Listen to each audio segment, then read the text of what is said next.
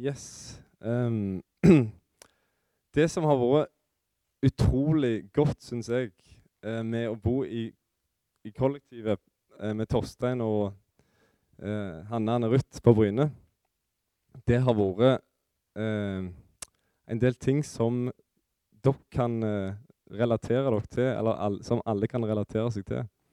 Um, eller i situasjonen der, der, de, der, de, fleste av oss er i. Og det er at uh, vi har uh, en heim. Vi bor, De fleste av oss bor med noen. Uh, vi har en heim. Og ut ifra den heimen så tror jeg faktisk at veldig, veldig mye bra kan skje. Og jeg tror at Gud kan bruke den heimen som en misjonsstasjon, og som eh, til å gjøre ja, ting som vi ikke har tenkt på før, for å si det sånn. Um, så jeg vil bare fronte litt dette her med, med hjemmet, da. Uh, hjem, hjemmet vårt er en misjonsstasjon. Du, du og vi er en misjonær. Og sånn praktisk enk, enkle ting som vi gjør Altså, vi har jo bønnefellesskap om morgenene. Eh, mange har kanskje ikke anledning til det å stå opp eh, hvis det er Allikevel skal veldig tidlig opp på jobb. Um, vi står ikke opp før sju og begynner bønnesamlingene. Når Hanna da jobber på tirsdagene klokka sju, så dropper vi bøn bønnemøtene. Fordi vi ikke er villige til å stå opp klokka seks. Så Vi forstår at det kan være hardt å komme seg opp om morgenen hvis en uh, begynner tidlig på jobb allerede. Men en, en, liten ting som har faktisk betydd mye, og det er egentlig en ganske liten ting, det er bønn med måltida. Alle måltid så, så, ber vi. Og vi synger ikke for maten, fordi, og vi sier heller ikke 'velsign maten i Jesu navn, amen', for vi tenker ikke så mye gjennom det. Og ikke bare det om å ikke tenke gjennom det. Det kan være at det er folk som tenker gjennom det, for all del. Men da har man en unnskyldning til å søke Gud i sammen igjen. Og det har blitt en, har blitt en rytme, en fast rytme hver eneste dag. Til frokost for de spiser frokost sammen, og så til middag og, og, til kvelds. Så ber vi sammen. Og da bruker vi gjerne noen eh, ja, kan vi bruke minutter i bønn. Der vi ber for dagen, inviterer Gud inn i samtalen og ber for de gjestene vi har på besøk, pleier vi alltid å gjøre. Uansett om det er kristne eller ikke-kristne, så ber vi for dem og ber om at Gud må velsigne dem. Um, og ber for hverandre. Så det er, en, det er, et tips da, til å ta det med inn i heimen, inn i familien, og be i sammen. Enten om det er bare dere to. Altså Vi ber i sammen uansett om det er to rundt bordet, eller om det er ti rundt bordet. Uh, så det er faktisk noe som En enkel ting som kan bety en stor forskjell, faktisk. Og Vår erfaring med det er at til og med om det kommer muslimer på besøk Vi har hatt flere muslimer som har kommet på besøk. så så sier vi bare at dette er en ting som vi gjør når vi eh, spiser sammen, og det er at vi, vi, bare takker Gud for maten for han har gitt oss det. Og Det virker som om ingen syns det er dumt eller merkelig. De vi dropper det ikke selv om, om ikke-kristne kommer inn i heimen vår, men vi gjør det som vi vanligvis ville gjort. Og på den måten så utsetter vi dem for Jesuslivet vårt. Og jeg tror ingen har oppfattet det som en dårlig ting, i hvert fall ikke som de har våget å si. For vi gjør det på en måte som er Altså, vi, vi, gjør det som vi gjør, men vi gjør det på en måte som likevel respekterer dem. Vi bare tar dem med i bønner, og vi, vi bare ber enkelt for den personen, at, at Gud skal velsigne personen, og og uten å gjøre noe krav, så kan den personen eller de, de eh, personene som er på besøk, bare sitte og, og, ta imot det, og så går vi videre. Og så blir det bare innlemma i det, det, vi allerede gjør. Og det har jeg kjempetro på. At vi trenger ikke droppe de tingene vi gjør, bare la folk få smake på det Jesuslivet som dere allerede har.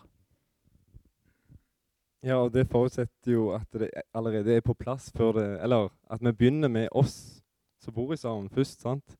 Fordi nå når det har blitt naturlig for oss å be sammen, så er det, da er det mye enklere å be sammen når det er en muslim på besøk. Så ja. Det, det som blir naturlig i heimen, blir lettere naturlig eh, når det kommer andre på besøk i heimen eller utenfor heimen. Så hvis Gud er den som er normalen i heimen. Det er normalt å, å ha Gud i heimen, i fellesskap, og snakke om Gud. og bare ta han med i alle situasjoner. Vondt i ryggen, ok, da ber vi for han. Eh, Bekymra for noe eller tenker på noe, så snakker vi ut om det, så søker vi Gud i det.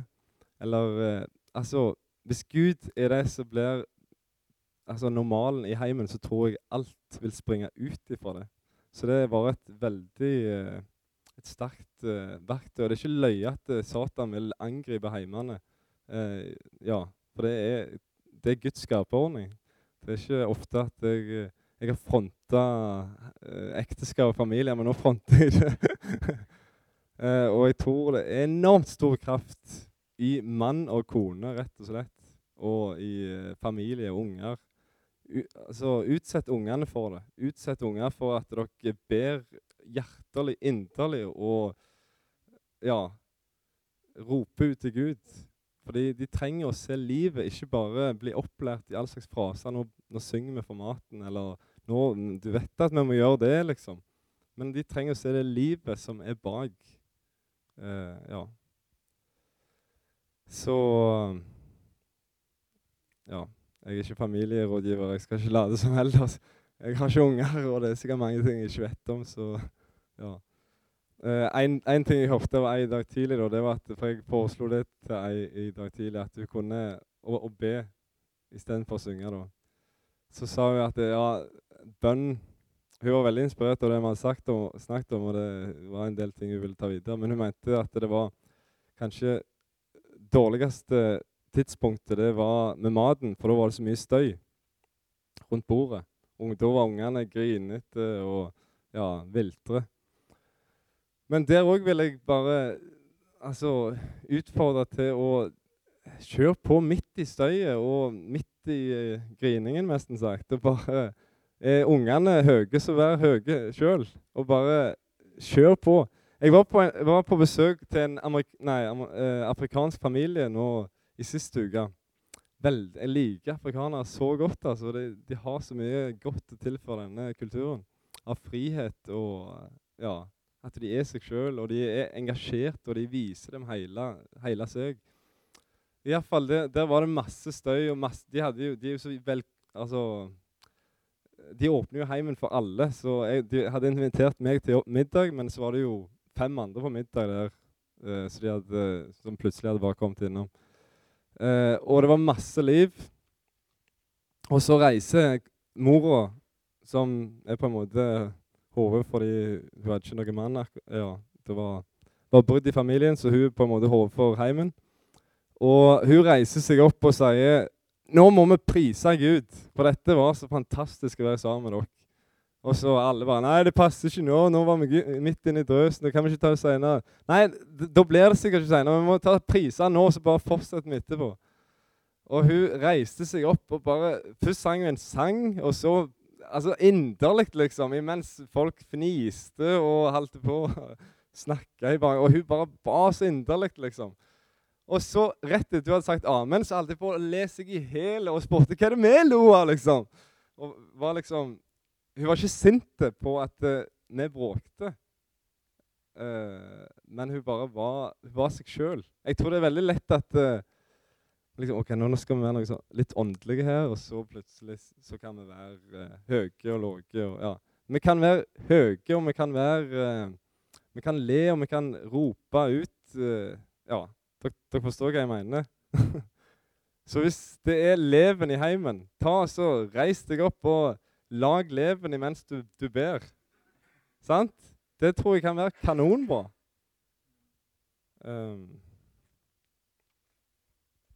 det, var, det, er noen som har sagt at vi trenger å være overnaturlige i det naturlige, og vi trenger å være naturlige i det overnaturlige.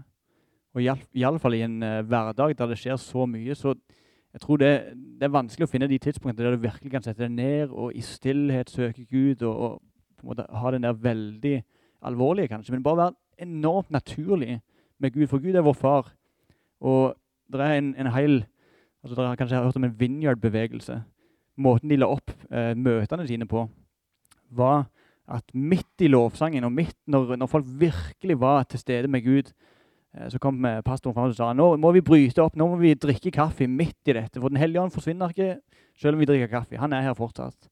Og sånn kan vi være helt naturlig i de overnaturlige tingene. Og vi kan være overnaturlige i, de naturlige tingene. Bare være naturlig. bare, altså Vi kan hoppe rett inn og ut av bønn med Gud. For ofte så blir det til og med, når vi sier amen, så mener vi egentlig ha det, eller snakke snart igjen. Det betyr jo la det skje. sant? Det er jo en god ting. Men Gud er der hele veien. Gud er der til og med etter vi er ferdig med den konsentrerte bønna. Og han, han, blir ikke forstyrra. Vi kan bli forstyrra, men han blir ikke forstyrra av alt som skjer. Så vær naturlig i det som skjer. Ja, og så bare i, altså Det er andre ting òg. En ting som jeg tror har vært utrolig bra for min del, det er lovsang i heimen. Jeg husker en gang jeg var på møte her der Peddi sa at vi måtte tenke over det med, eh, når, vi sto og lovpriste Gud. Ville vi gjort det ut forbi dette bygget? Ville vi gjort det en annen plass? Og det, Jeg tror kanskje det er det som har fått meg til å like å lovsynge hjemme i stua så utrolig godt pga. det er den mest naturlige plassen for min del. Det er jo der jeg lever, og der får lov til å prise Gud. Og når jeg får lov til å gjøre det der, da blir det så utrolig naturlig del av, av meg. Og da er det på en måte enda mer naturlig å gjøre det i andre settinger òg. Så eh, Ja, kanskje dere som familie, bare sett på ei plate hvis dere som meg ikke kan spille noe instrument, og bare lovsynge sammen. Uh, og spesielt i huskirken, eller cellegruppene, smågruppene, bibelgruppene, eller hva det er, ta så lovsynge sammen. Og utfordre deg sjøl på å være fri i det, og, og slippe kontrollen, på en måte. Prise deg med, med hele det prise Han med hele deg. Ja. Jeg, eh, vi snakket litt om hva som hindrer deg i å være en menneskefisker i går. Og da det, kom menneskefrykten fram. Og det tror jeg er en, en, del, en ting for oss alle. Uh, jeg husker jeg var her i høst og snakket litt om at uh, Jeg husker ikke hva, hva det var i forbindelse med. Men jeg snakket om at de holdt på Eller vi, vi holdt på å lovsynge hver morgen. Og så plutselig rev de hekken. Hus, jeg vet ikke om noen husker at jeg fortalte det. Og så plutselig kom, jeg på, nei, så kom dette her dilemmaet. Fillen, hva skal jeg gjøre nå? Eh, om jeg skal lovsynge på samme vis som jeg gjorde når plutselig alle naboene ser oss i alle vinkler av huset. Eh, vi har jo sånne panoramavinduer eh, der og der, liksom. Uh, og så kjente jeg Nei, fillen Jeg ble minnet om Daniel. Ja, jeg skal fortsette å lovsynge akkurat som han fortsatte å ba, selv om han var trua med livet. Og da hadde jeg, jeg hadde liksom min plass i stua der jeg eh, sto og priste Gud, løfta hender og knelte. Og, eh, og så nå, da så kom jeg på at fillen De skal jo begynne å bygge et hus i hagen vår, for det er delt. Og så var det en morgen jeg våkna opp, og jeg, jeg hadde hatt en stygg drøm òg, som jeg er sikker på at det var rett og slett Satan som hadde latt meg drømme den drømmen. For jeg hadde ingen grunn til å drømme den. Ingenting i fortida mi som tilsa at jeg skulle drømme den drømmen. Når jeg drømte, så følte jeg meg skikkelig sånn crappy og litt sånn åh, og så står jeg opp, og så ser jeg ut vinduet, så ser jeg tre kollegaer av meg i, Jeg har begynt i L-team. Står der ute og legger varmekabel. Jeg bare Nei! Jeg skal lovsynge! Dette blir så hardt. Så bare, jeg vil ikke. Jeg vil ikke. Alt i meg bare stritta imot. Jeg tenkte ok, én ting var hvis det var noen jeg ikke kjente, men tre kollegaer av meg der står der ute og eh, ja, holder på å legge varmekabel. Og så gikk jeg på badet og bare tenkte nei, dette er en eh, Drømmen er et angrep fra djevelen, det var jeg sikker på. Her må jeg bare gå rett imot. Altså, tingen er når du møter angrep, møter menneskefrykt Måten å gå imot den på, det er rett og slett å gjøre det motsatte av det du har lyst til. Sant? Så da er det bare Nei, her Nå stiller jeg meg akkurat opp samme plass. Vindu der, vindu der. Og så sto jeg sånn, så bare sånn Åh! Når Torstein begynte å spille piano, jeg var Nei, kjære Gud, gi meg styrke. Og så var det bare Nei, fillen her må jeg bare gå all in. Så bare priste jeg ut med alt jeg hadde av hele min kropp, nesten. Som jeg pleier å gjøre når ingen ser meg. Eller nå, når noen ser meg òg. Men iallfall så kjente jeg hele veien åh, frykten i meg for hva de kom til å tenke. Men eh, så kom jeg liksom over det imens jeg sto der og priste Gud, for da ble Gud mye større enn de tre kollegaene meg som sto ut forbi. Og så kjente jeg bare at jeg ble enormt frimodig. Så etterpå så gikk jeg ut og spurte, for det regna jo katter den dagen, så jeg syntes veldig synd på dem. Eh, jeg gikk ut og spurte om de ville ha en varm kakao. Så, uh, så inviterte vi dem på lunsj, og da hadde de plutselig blitt fem. Uh, så da hadde vi hele gjengen på lunsj hos oss imens vi drøste. Og, og så ble de jo ikke ferie, så de tar litt lang tid. Det er ikke så gode folk på L-team som på Svithun. så jeg måtte være med dem og hjelpe dem for å bli ferdige etter lunsj. Eh, og, og, da kjente jeg bare Jeg hadde så mye frimodighet i meg. Fordi jeg hadde på en måte Jeg hadde knust den der. Jeg hadde knust menneskefrykten. Så jeg kunne liksom stå og snakke med en som sto på andre sida av bygget, om Jesus, imens alle andre sto på dekket. Ja, det, det var bare så enkelt. Og jeg tror det er En gang du gir etter for menneskefrykten, så blir det bare enda større menneskefrykt. Enda vanskeligere. Måten er å gå imot den. Rett og slett bare gjøre akkurat det du ikke har lyst til å gjøre. Og så overvinner du det. Og så må du ta de kampene igjen og igjen og igjen, så vokser du mer og mer og mer. Men hadde det ikke vært for at jeg var komfortabel med lovsynge i heimen min fra før av, så hadde jeg jo aldri tørt det da. Sant? Ser dere hvor jeg vil? Så når det er naturlig i heimen, når du har folk som backer deg i heimen Og før dette her, så hadde jeg jo snakket med Torstein, Hanna og Ruth om frykten min for dette. Og da hadde de backa meg at nei, vi må bare kjøre på. Vi, altså, vi kan ikke tenke hva folk tenker om oss. Vi er annerledes. Vi, vi, vi skal være annerledes. Sånn er det bare. Så ta det med i, fel, i, i heimen. Be for hverandre. Bekjenn synder for hverandre i heimen. Bekjenn eh, frykt for menneskefrykt for hverandre i heimen. Løft det opp for hverandre og bare oppmuntre hverandre. Eh, ja. Del eh, det dere leser i Bibelen sammen. Det er så kraft i å leve i sammen i heimen. Og da, når da ikke-kristne kommer inn i den heimen, så vil de merke at det her er Guds rike. Her er Gud herre over denne heimen. Det vil påvirke sånn som dere snakker sammen, og sånn som ungene Spesielt unger er jo så frimodige, så hvis de er eksponert for dette, det er helt normalt for dem, så kommer jo de lett til å være misjonærer eh, for alle som kommer på besøk. Ja. Så bare utfordring òg til bare be ikke-kristne på middag, altså. Det er noe som skjer rundt middagsbord. Gode samtaler og ja, det er veldig, veldig bra. Det tror jeg er Jesus i ånd. Han var på middagsbesøk eh, støtt og stadig. Ja. Han gjør noe til meg når han ikke vet lenger hva han skal si. Nei da. Ja. Nei, um, og bare det med å Altså, vi, vi tror at hjemmet spesielt Altså, vi tror at vi er på mange måter på ei slagmark. Fordi at vi står i kamp, og djevelen står i kamp mot oss. Og jeg har jeg at vi, vi tror jo det. Og vi kan jo teologien bak det, vi kan tanken bak at det er ei ond makt, og er, han heter Satan, og han vil ødelegge for oss. Eh, men det er akkurat som det er farlig å si i situasjoner at kan det ha vært et angrep? Kan det ha vært djevelen som førte til det? Det er akkurat som der, sånn, Vi, vi tenker generelt at det er jo sant. Men jeg har merket at jeg, jeg vegrer meg veldig for å si i en enkelt situasjon at kanskje det kan ha vært djevelen som, som ødelegger for oss her. Kanskje det er han som ødelegger i kommunikasjonen vår.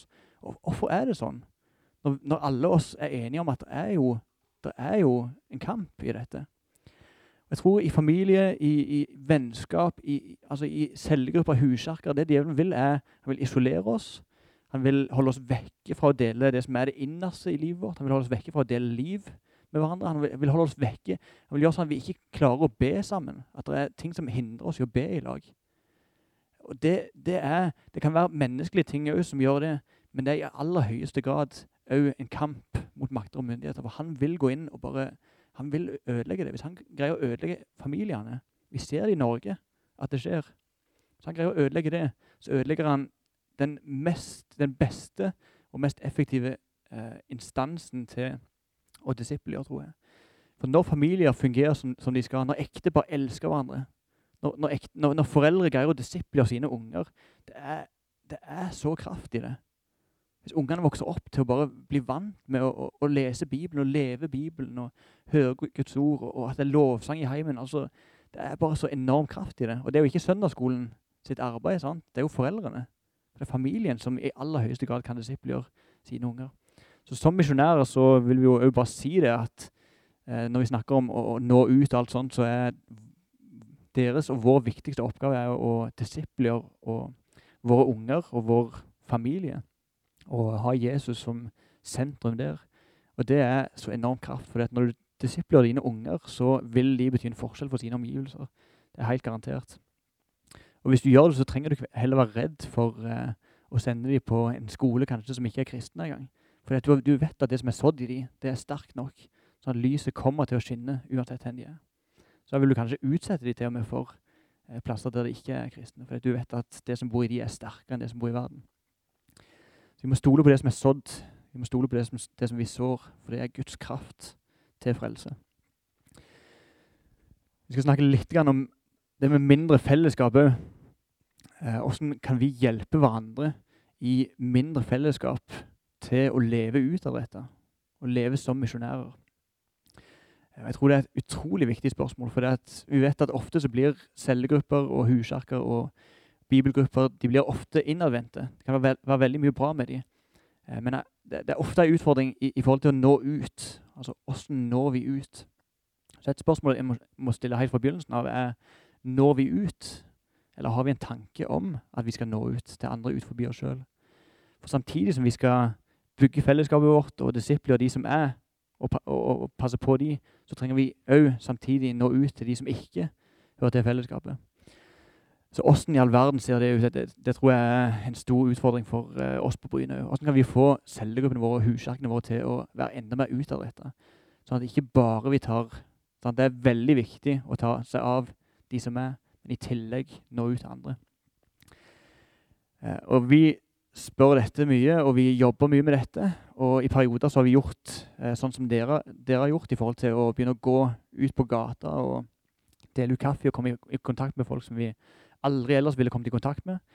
Og Det har vi merka har hjulpet oss, og det merker jeg gjør noe med dere òg. For når, eh, når, vi var ute på gata, så skjedde det noe i fellesskapet vårt som ikke skjedde på alle de samlingene vi hadde eh, med hverandre. For plutselig så kjente vi at vi var avhengig av Gud og avhengig av hverandre. Vi kjente at vi var redde, og plutselig ble, så ble fellesskapet enda, enda bedre. Plutselig ble Kjartan jeg sa jo dette i går, han ble stridskameraten min istedenfor bare en som jeg møtte ukentlig. Eh, for vi ville leve for noe som var større enn oss sjøl. Og en ting jeg har merka, er at eh, hvis, hvis, vi ikke fronter dette med misjon, så havner vi alltid tilbake på å sitte inne. Det er, det er aldri sånn at vi, hvis vi detter en plass, eller hvis det balanserer mellom misjon eller ikke misjon, så havner vi på misjon. Det vil alltid være en sånn ting som, som for, for, de fleste av oss ikke kommer til å komme naturlig, men som vi må fronte og prøve å bare ha fokuset på at vi, vi, vil nå ut i dette. Og måten vi har gjort noen ting på Vi har um, prøvd mange forskjellige ting med, ja, med varierte erfaringer. Men, men, noe av det som har vart gjennom mange mange år, at vi har allerede venner. De aller fleste av oss har venner som ikke tror på Jesus. Kolleger, familie, venner, grupper. Eh, og så, så, spør vi oss hvordan kan vi hjelpe hverandre til å nå ut til de som allerede er vennene våre. Sånn at det ikke bare blir jeg bruker tid med mine venner her, Chartan bruker tid med sine venner her, og alle de andre har hver sine venner. Men hvordan kan vi som et fellesskap nå ut til dem? Hvordan kan de få smake på fellesskapet vårt og se Jesus gjennom det?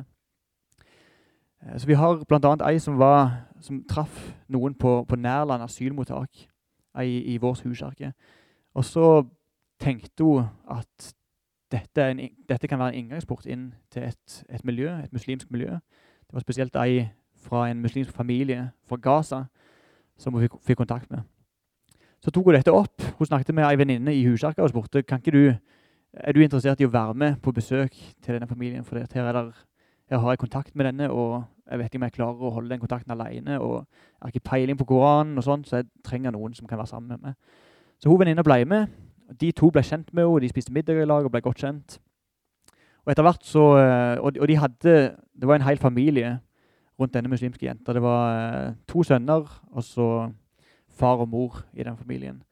Og som mange asylsøkere hadde en veldig vanskelig situasjon, for de venter og venter og venter på å få svar uten å, uten å få det. Det er en forferdelig situasjon å vente, og de lengter etter kontakt med folk. Så de inviterte meg og Kjartan og noen til til å være med og treffe hele familien. Så vi kom bort på middag til de en dag, og de lagde ekstreme mengder middag. Du var- med, da? Det var altså de Fordi de vil gjøre ting skikkelig. Så de har ikke bare én rett, men de har rett på rett på rett. Så han ene som var med, han hadde jo spist litt før. Han gjorde, jo en kjempetabbe med det. Så etter tredje retten, han var jo helt stapt og klarte ikke noen ting til. Og du skal ikke si nei når du er på besøk hos muslimer. Da skal du si ja, og bare ja. Så han tvang i seg, og det var fantastisk for meg, for meg og Kjartan å bare se på han og se kulturforskjellene og kommunikasjonen og bare alle ting. Det var helt fantastisk. Og vi har lært, altså vi lærer jo så masse av å komme i kontakt med, med folk som er i en totalt annerledes situasjon enn oss. Og det vi merket med det, er at eh, det er så mye lettere for oss å gjøre ting i fellesskap. Eh, og spesielt for, for en sånn familie som bare Ofte så er de bare tynga av ja, depresjon og tunge ting fordi de bare venter og venter. Men når vi som fellesskap kan gå ut, så alle oss kjenner at vi får, vi får bare krefter av det fordi vi gjør det som en familie. Uten at de blir prosjekt. De er jo folk. Sant? Vi skal elske dem som folk. Men det har bare hjulpet oss enormt å bare tenke hvordan kan vi eh, som fellesskap nå ut til våre venner? Hvordan kan vi hjelpe hverandre? Så be for dem, men òg aktivt gå ut eh, altså og, og bli kjent med dem. Eh, og, og dele vennene til hverandre. Det har jeg veldig tro, på.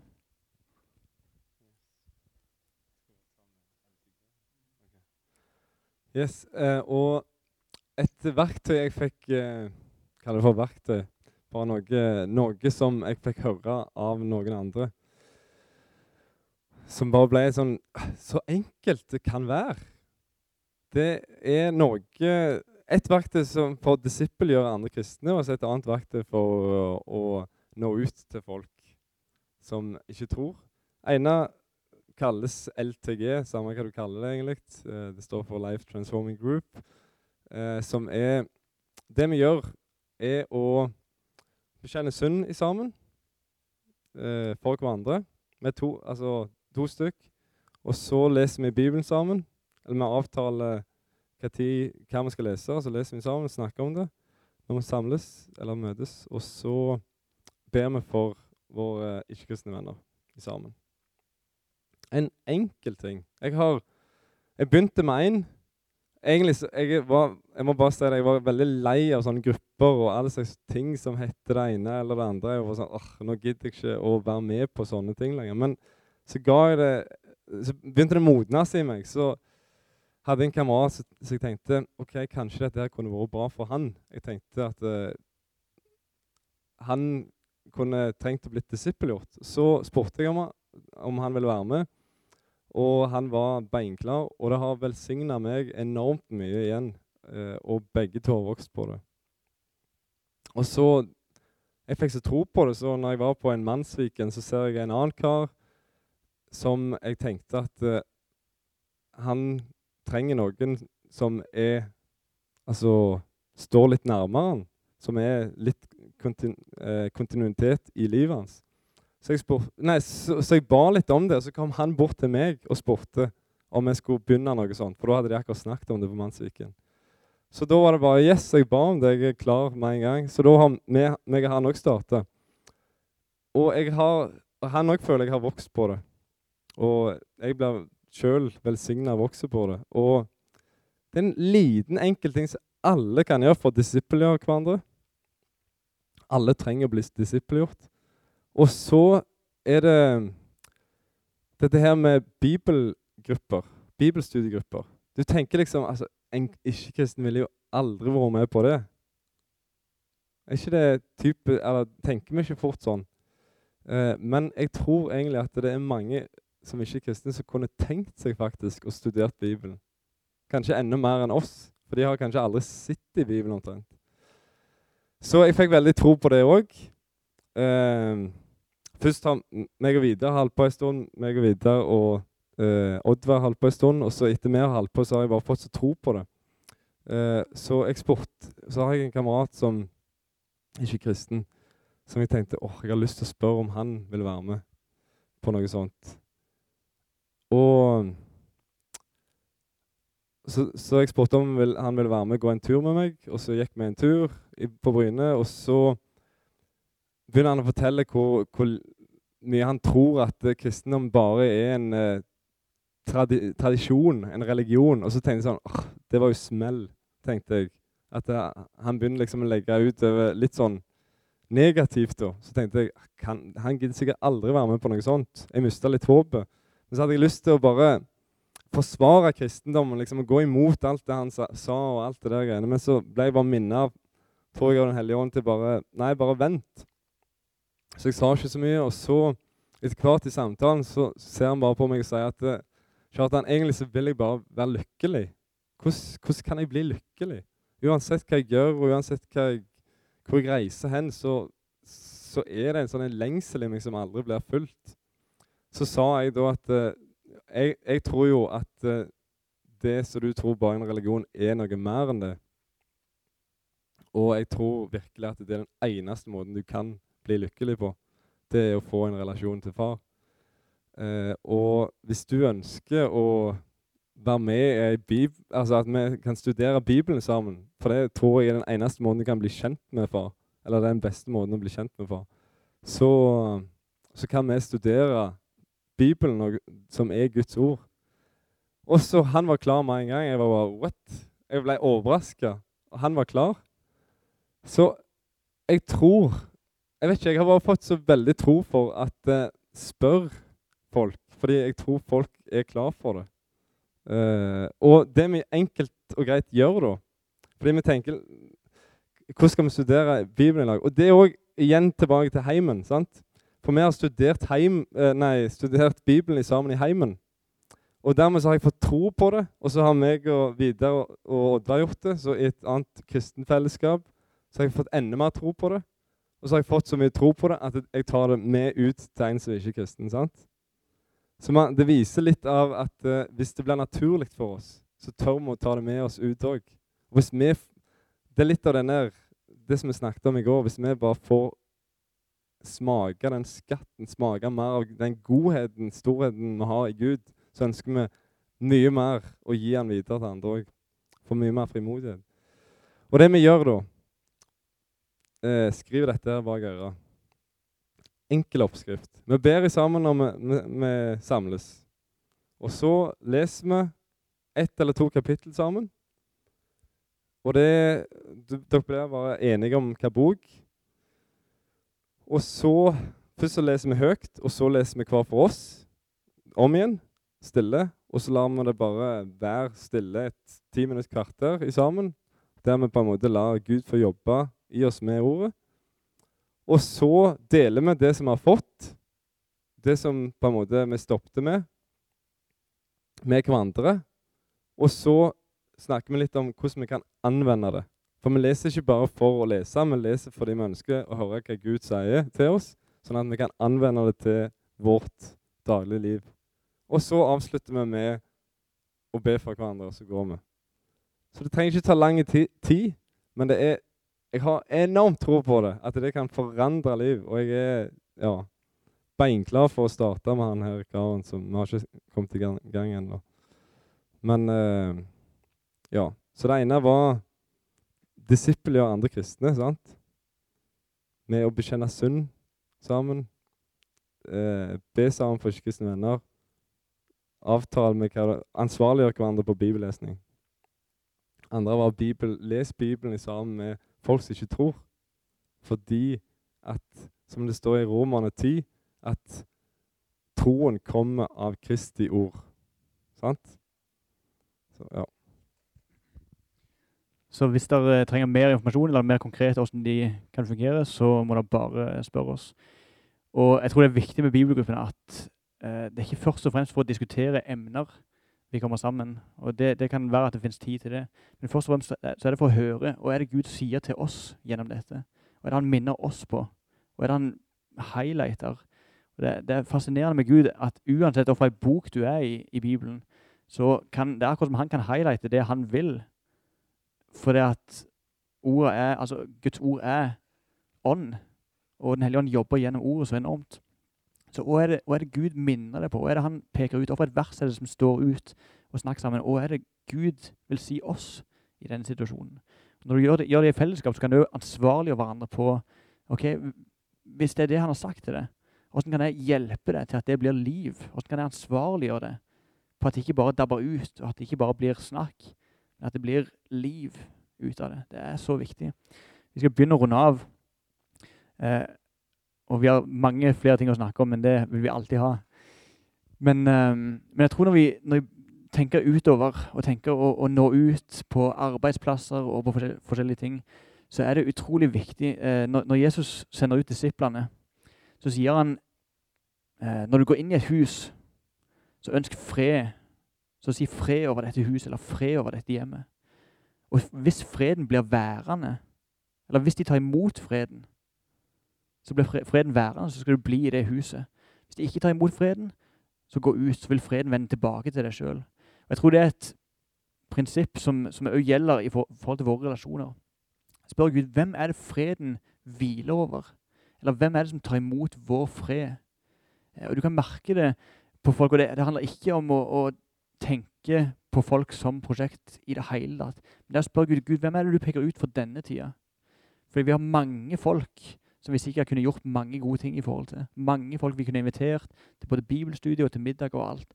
Men spør Gud, hvem er det du peker ut for denne tida? Hva er, er det du sier i forhold til den personen? Og, og, jeg vil tippe at Gud kanskje peker ut en del folk som dere kanskje ikke hadde tenkt var åpne for det.